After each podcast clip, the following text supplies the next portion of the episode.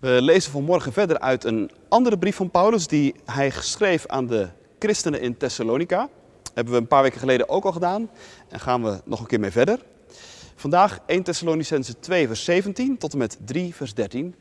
En Riana leest dat voor ons. Broeders en zusters, nu wij voor korte tijd van u gescheiden zijn, bent u weliswaar uit het oog, maar daarom nog niet uit het hart. En omdat we zo naar u verlangden, hebben we ons alle moeite gegeven u te zien. We stonden dan ook meer dan eens op het punt naar u toe te komen. Ik, Paulus, niet in de eerste plaats, maar Satan heeft het ons belet. Want wie is onze hoop en vreugde? Wie is onze erekrans wanneer we voor Jezus, onze Heer, staan bij zijn komst? Wie anders dan u? Ja, u bent onze eer en vreugde. Omdat we het niet langer uithielden, besloten we Timotheus naar u toe te sturen, onze broeder en Gods medewerker in de verkondiging van het evangelie van Christus. Zelf bleven we in Athene achter. Timotheus moest u sterken en aanmoedigen in uw geloof, zodat u zich niet uit het veld zou laten slaan door de tegenspoed die u ondervindt. U weet tenslotte zelf dat wij die moeten ondergaan. Toen we bij u waren, hebben we u al gezegd dat ons tegenspoed te wachten stond. Die is dan ook gekomen, zoals u onderv- ondervonden hebt. Ik heb Timotheus dus gestuurd, omdat ik het niet langer kon uithouden.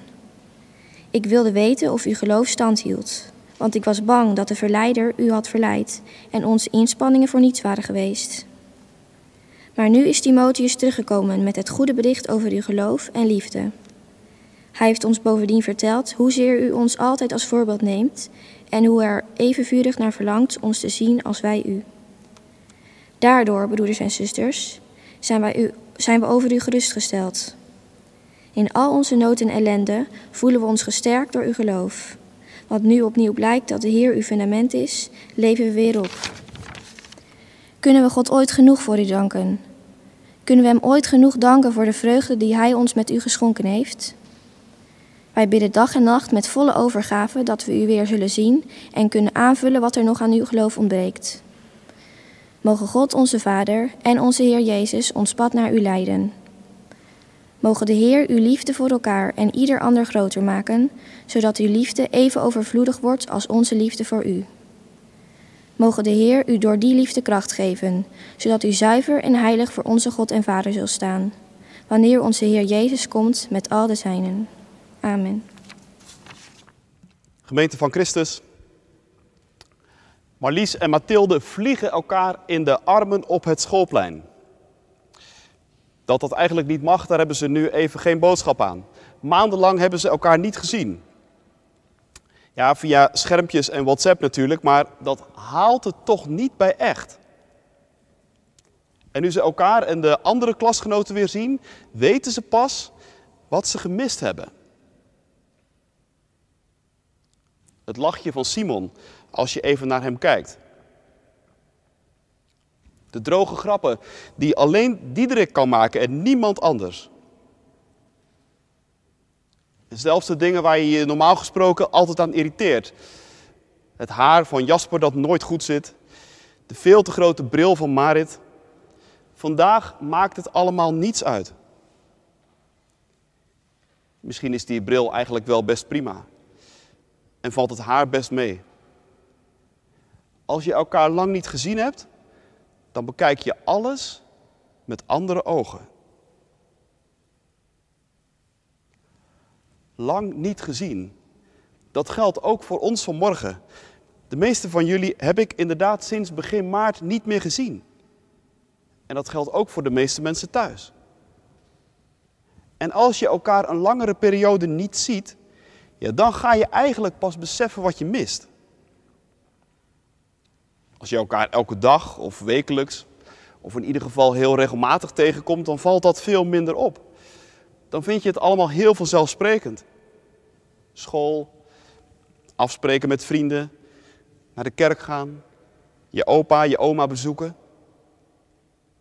Pas als het niet meer kan, dan ga je doorkrijgen hoe bijzonder al die gewone dingen zijn. Dat geldt ook voor de apostel Paulus. Net als wij de afgelopen tijd heeft hij de mensen aan wie hij deze brief schrijft, die we vanmorgen lezen, lang niet gezien. Het verschil is alleen dat het er in Paulus' geval naar uitziet dat het ook niet snel gaat veranderen. De mensen, dat zijn de christenen in Thessalonica. Dat is een stad in wat vandaag Griekenland is. Er is daar een gemeente ontstaan van mensen die in Jezus geloven. Paulus is daar geweest, hij had daar graag langer willen blijven, maar het kon niet. In het boek Handelingen kun je namelijk lezen dat niet iedereen even blij was met Paulus' komst. En dat hij en zijn helper Silas op een goed moment hals over kop de stad moesten verlaten, met gevaar voor eigen leven. Van het ene op het andere moment was het dus over.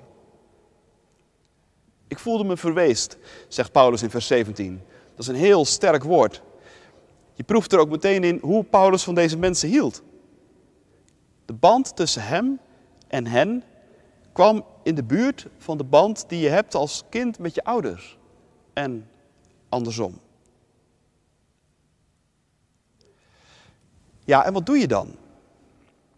Wat doe je als je elkaar niet kunt zien terwijl je dat wel heel graag zou willen? Paulus vertelt daarover aan het einde van hoofdstuk 2. Eerst heeft hij geprobeerd om toch weer zelf terug te gaan naar Thessalonica. Verschillende keren zelfs. Paulus is er niet de man naar om het er zomaar bij te laten zitten. Maar op de een of andere manier is dat telkens mislukt.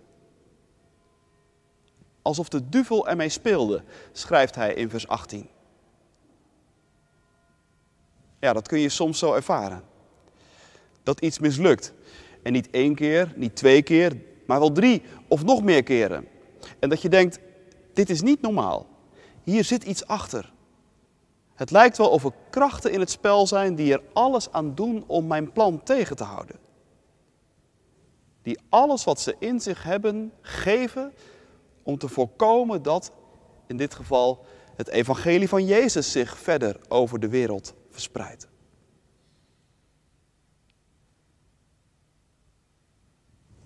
Ik denk, dat soort krachten zijn er nog steeds. Krachten die de verspreiding van het evangelie over deze wereld proberen tegen te houden. Mensen die in de zending werken kunnen je daarover vertellen. Over gesloten landen en gesloten culturen waar het evangelie van Jezus maar niet naar binnen lijkt te kunnen komen. Maar je hoeft er niet eens heel ver voor van huis trouwens. Ook dichtbij zijn er genoeg mensen met wie je over van alles en nog wat kunt praten. Behalve over Jezus. Zodra die naam valt, lijkt het wel alsof alle luikjes dichtgaan en je tegen een muur praat.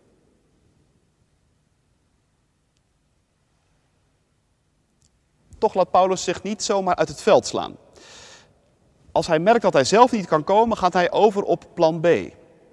Dan moet er maar een ander gaan. En dan stuurt hij Timotheus, zijn jonge assistent. En wonderlijk genoeg lukt het Timotheus wel om de christenen in Thessalonica te bereiken. Waarschijnlijk was Timotheus wat minder bekend en liep hij wat minder in de gaten. En zo wordt Timotheus een soort van postbode dus tussen de mensen in Thessalonica en Paulus. Je merkt, ingewikkelde situaties kunnen je helemaal lam slaan, dat je geen idee meer hebt wat je moet doen, maar ze kunnen je ook heel creatief maken. Nou, dat hebben we in de afgelopen tijd ook gemerkt. Er zijn heel wat mensen geweest de afgelopen maanden die de afgelopen tijd een soort Timotheus-rol hebben gespeeld. Soms heel letterlijk. Door bijvoorbeeld papieren nieuwsbrieven en preken te bezorgen bij gemeenteleden zonder internet. Maar ook alle online uitzendingen en de telefooncirkels en de WhatsApp-groepen. De paas- en pinksterkaarten, de pakketjes.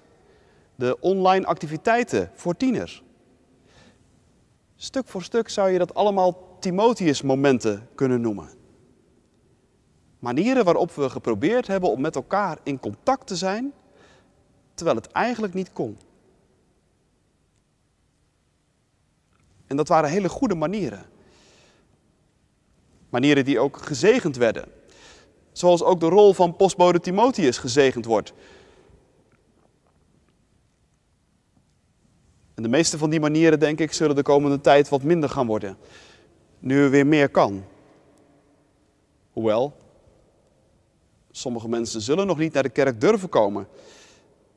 En voor de Jacobikerk weer helemaal vol zit. Voor we iedereen weer zouden kunnen zien en spreken. Dat zou nog best wel eens een poosje kunnen duren.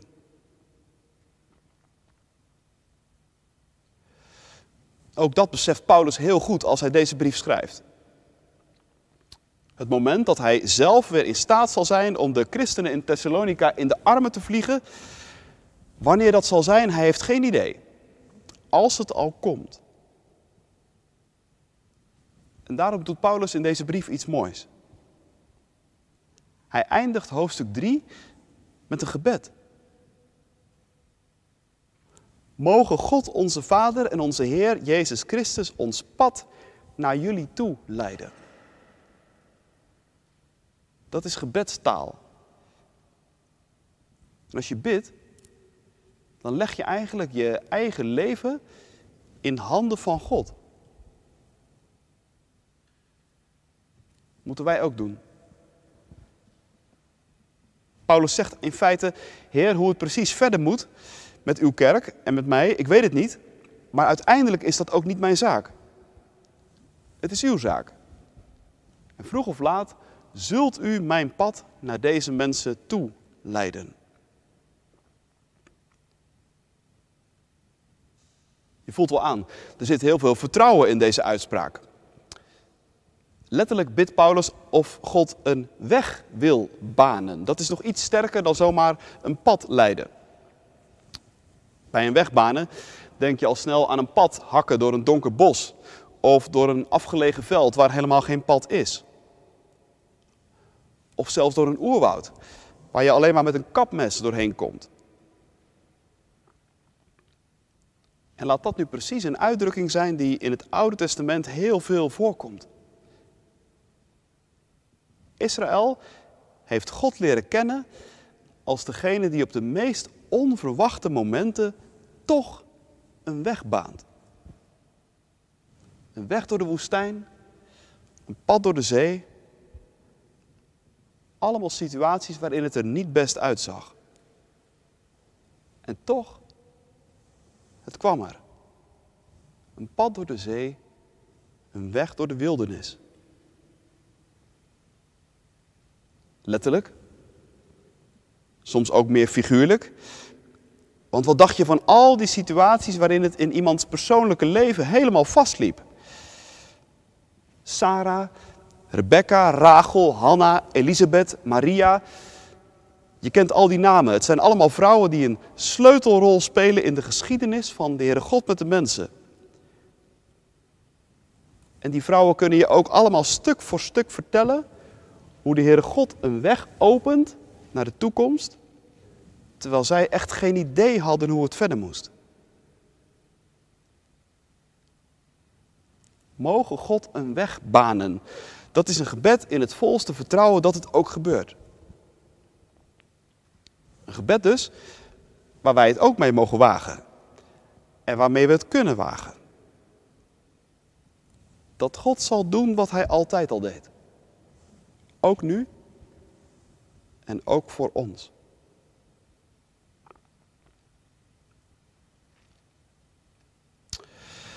Maar zeg je misschien, waarom zou dat nou eigenlijk zo belangrijk zijn? Dat Paulus en die christenen in Thessalonica elkaar weer ontmoeten en dat God een weg baant naar hen toe. Is dat nou alleen om elkaar weer te kunnen zien? Oké, dat is natuurlijk niet onbelangrijk, maar Paulus had toch ook gewoon weer op een nieuwe plek nieuwe vrienden kunnen maken? Ja, diezelfde vraag zouden wij natuurlijk ook aan elkaar kunnen stellen. Fijn op zich dat we elkaar weer kunnen zien binnenkort. Maar waarom is dat eigenlijk zo nodig? Kunnen we niet gewoon toe met online diensten? Lekker makkelijk toch ook wel, in je pyjama op de bank. Of, misschien denk je dat ook wel eens, kunnen we niet gewoon zonder de kerk.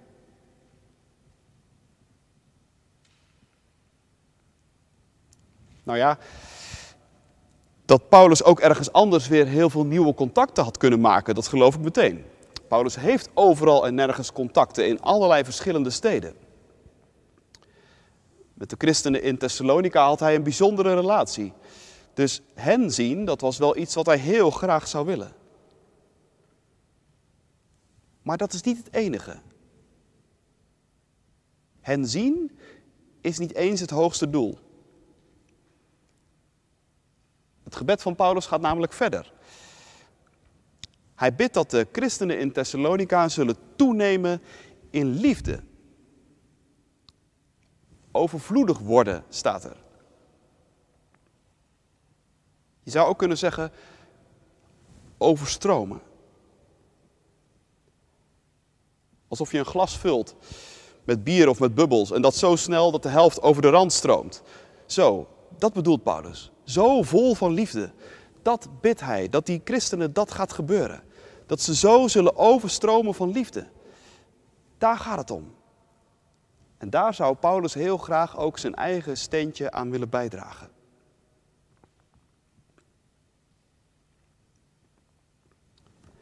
Je merkt, Paulus ziet de kerk dus als een soort oefenplek. Eigenlijk een school. Een oefenplek in liefhebben. Ik ben wel benieuwd of dat het eerste is wat ook in jou opkomt. Als je een antwoord moet geven op de vraag: wat is nu eigenlijk de kerk?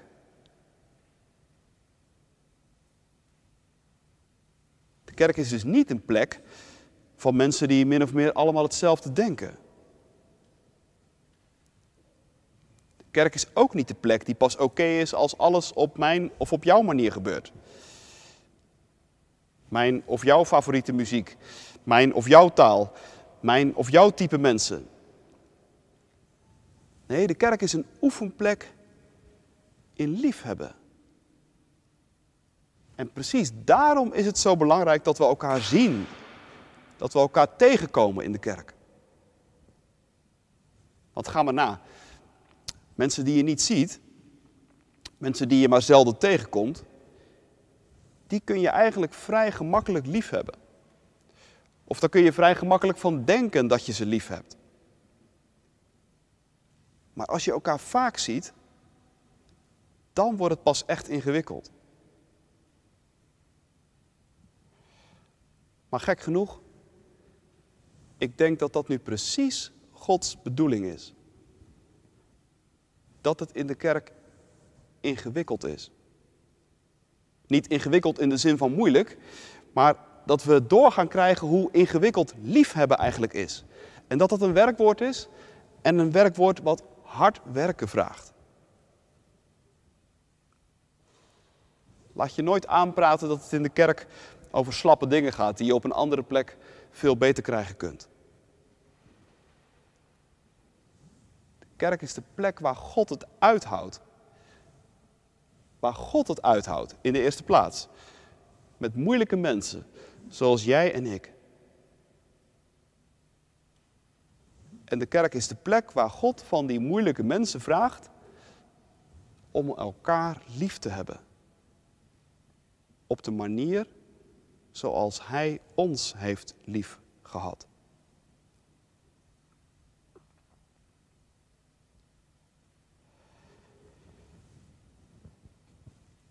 In de laatste zin van Paulus' gebed gaat het over het effect van liefhebben. Want liefhebben heeft effect. Als liefhebben niet zo makkelijk is, dan is natuurlijk de verleiding heel groot om ermee op te houden. En je mag gewoon bezig te gaan houden met dingen die wel makkelijk zijn. Ik weet niet of jullie dat herkennen, maar ik kies heel graag de weg van de minste weerstand. Gemotiveerd blijven als het een poosje tegen zit. Voor je laatste toetsweek bijvoorbeeld, als het net zo warm is als de afgelopen dagen. Dat valt echt niet mee. Waarom zou je dan zoveel moeite doen om liefhebben vol te houden? Nou, Paulus zegt het. Omdat God je door de liefde kracht geeft. Letterlijk staat er, omdat je hart daar sterker van wordt. En je hart, dat is bijbeltaal voor je diepste binnenste. Voor al die dingen die andere mensen niet van je weten. Je ziel, de plek waar je voelt, waar je verlangt, waar je overtuigingen zitten. En van liefhebben wordt je hart dus sterker. Je wordt er meer de mens van die God bedoeld heeft. Hoe werkt dat dan, zeg je? Nou, toch eigenlijk heel eenvoudig. Als je gaat liefhebben en je houdt het vol, dan zul je merken dat het werkt. Als je lief hebt, dan kijk je met andere ogen. Als je kijkt met de ogen van Jezus, en dat zijn de ogen waarmee God naar jou kijkt, dan ziet de wereld er anders uit. Dan zien ook hele vervelende mensen er anders uit. Dan is die onuitstaanbare klasgenoot echt niet alleen maar meer een onuitstaanbare klasgenoot. Als je kijkt met de ogen van Jezus, dan weet je, dat is iemand voor wie Jezus zijn leven gegeven heeft. Net als dat Hij dat voor mij gedaan heeft.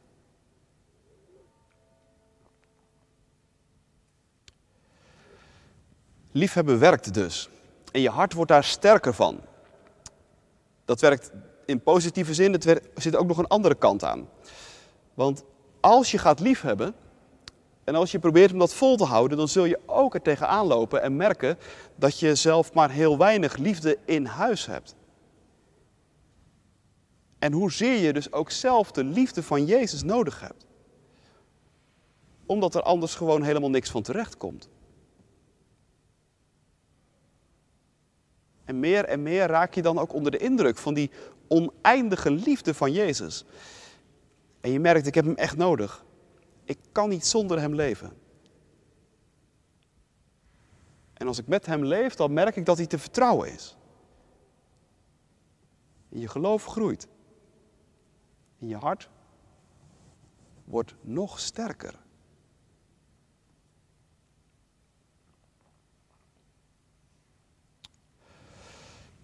Tot slot. Deze week kwam ik een nummer tegen van rapper Boef. Ik geef toe, ik ben helemaal geen kenner van rapper Boef, maar iemand schreef er een column over. En zo komen dominees ook nog wel eens wat te weten.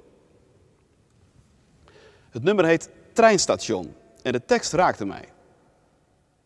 Het is een hele rauwe, harde tekst eigenlijk over iemand die opgroeide in hele moeilijke omstandigheden.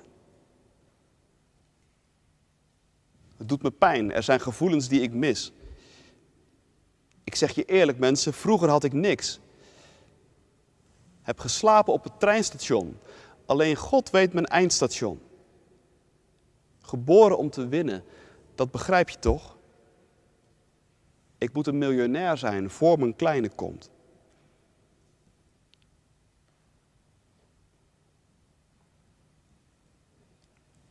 Bezig met deze preek bleef ik haken bij het woord eindstation. Alleen God weet mijn eindstation. Waarom bleef ik haken bij dat woord? Nou, het gebed van Paulus eindigt eigenlijk ook met een zin over het eindstation. Paulus heeft het over zuiver en heilig voor God staan als Jezus terugkomt.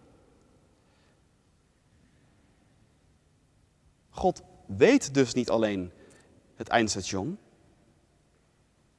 Paulus gaat verder. Hij zegt, God is het eindstation.